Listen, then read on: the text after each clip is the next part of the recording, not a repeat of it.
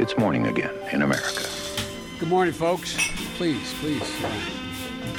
Come on, let's go. Let's go get some coffee. Thank you very much. Det er torsdag 15. mars, og morgenkaffen fra amerikanskpolitikk.no er servert. Larry Kudlow, den 70 år gamle konservative CNBC-kommentatoren, blir den nye øverste økonomiske rådgiveren til Donald Trump. Kudlow tar over for Gary Cohn, som selv trakk seg grunnet uenighet med Trump. Og Kudlow ble også vurdert til stillingen før da Gary Cohn ble valgt i starten av Trumps presidentperiode. I går gikk Det hvite hus eh, ut og sa at de støtter Storbritannias eh, utvisning av 23 russiske diplomater, skråstrek spioner. Eh, og det er da Bakgrunnen her er jo forgiftningen av den tidligere russiske spionen Sergej Skripal i den engelske byen Salisbury og hans datter.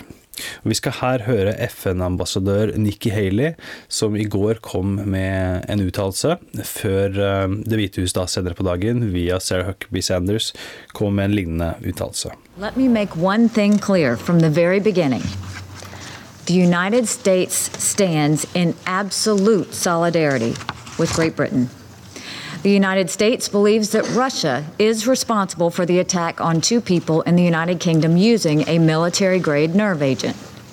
Dozens of civilians and first responders were also exposed. Etter sparkingen av Rex Tillerson som utenriksminister og Trumps kunngjøring at det blir Mike Pompeo som skal bli ny utenriksminister, og at Gina Haspel skal ta over for Pompeo i CIA, så har eh, senator Rand Paul, republikaneren fra Kentucky, kommet ut og sagt at han vil motsette seg både Pompeo og Haspels nominasjoner i Senatet, når Senatet da skal stemme over disse nominasjonene. Eh, og Paul argumenterer her for at eh, Trump i valgkampen sa at han skulle ta et steg bort fra tidligere republikanske utenrikspolitiske feil, men at hans valg til utenriksminister og CIA-direktør representerer et steg tilbake, og representerer da visjoner som går imot det Trump sa i valgkampen. John McCain, senatoren fra Arizona, også han republikaner, har også trukket fram nominasjonen av Gina Haspel som CIA-direktør som meget problematisk. Bakgrunnen her er det McCain omtaler som et av de mørkeste kapitlene i amerikansk historie. Han ber senatet se nærmere på Gina Haspels bakgrunn i tortur etter 9-11. Republikanerne har jo et meget smalt flertall i Senatet, 51-49. Det innebærer at de ikke akkurat kan miste mange stemmer.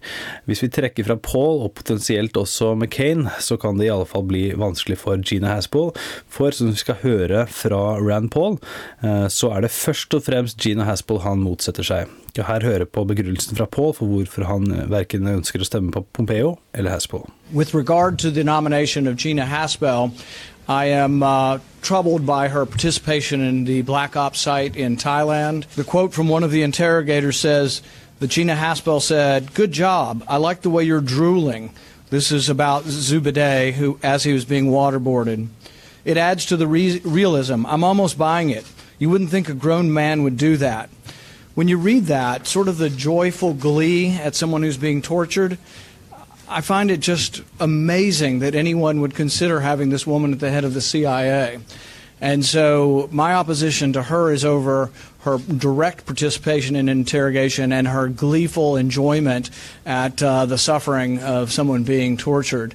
So uh, my announcement today is that I will oppose both Pompeo's nomination and Haspel's nomination. Dagens utgave av Morgenkaffen er servert av Anders Høymer og undertegnede Are Togflaten. Du leser mer om disse og andre saker på amerikanskpolitikk.no. Du finner Morgenkaffen i det som finnes av podkast-apper. Vi setter stor pris på om du går til ampol.no kaffetips for å gi oss litt feedback. Du kan bli med i trekningen av en Ampol-kopp du kan drikke morgenkaffen i. Det tar deg ett minutt. ampol.no kaffetips. Så setter vi stor pris på det, og så snakkes vi i morgen.